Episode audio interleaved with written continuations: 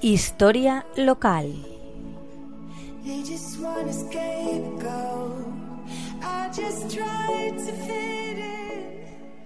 Buenas tardes, amigos y amigas de la Tegua Radio. Mañana, día 8 de junio, Azorín cumpliría 148 años. A Azorín ya le hemos dedicado algún capítulo aquí en la Tegua Radio, pero siempre nos parecerá poco lo que digamos de nuestro insigne paisano. Las veces que le recordemos siempre serán muy merecidas, pues Monóvar tiene una deuda eterna con el escritor que ha llevado el nombre de Monóvar a lo más alto.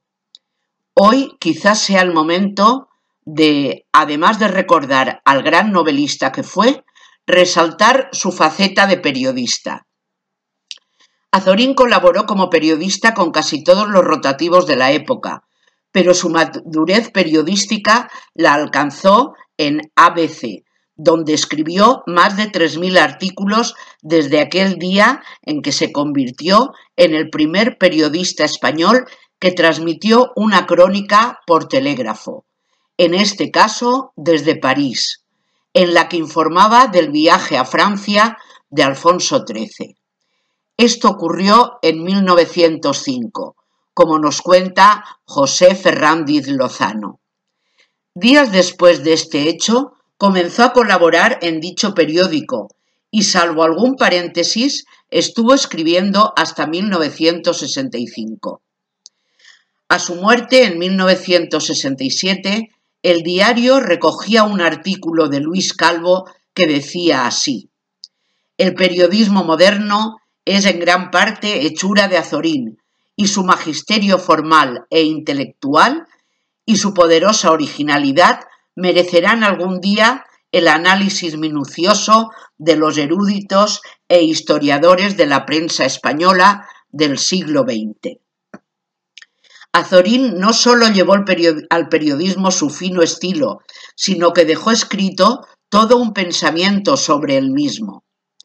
Se preguntaba, ¿Hasta qué punto un periodista puede mariposear sobre todos los asuntos?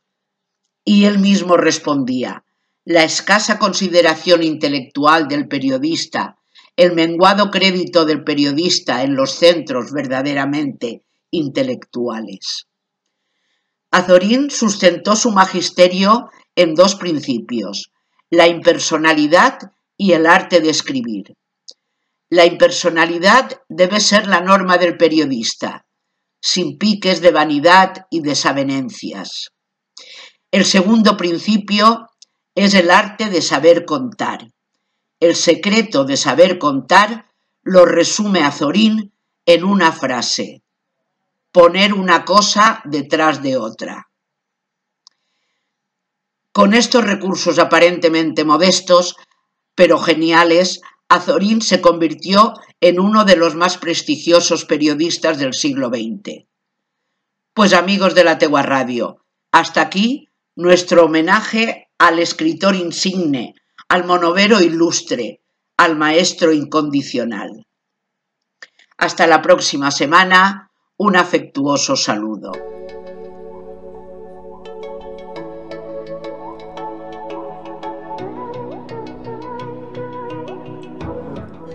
Historia local.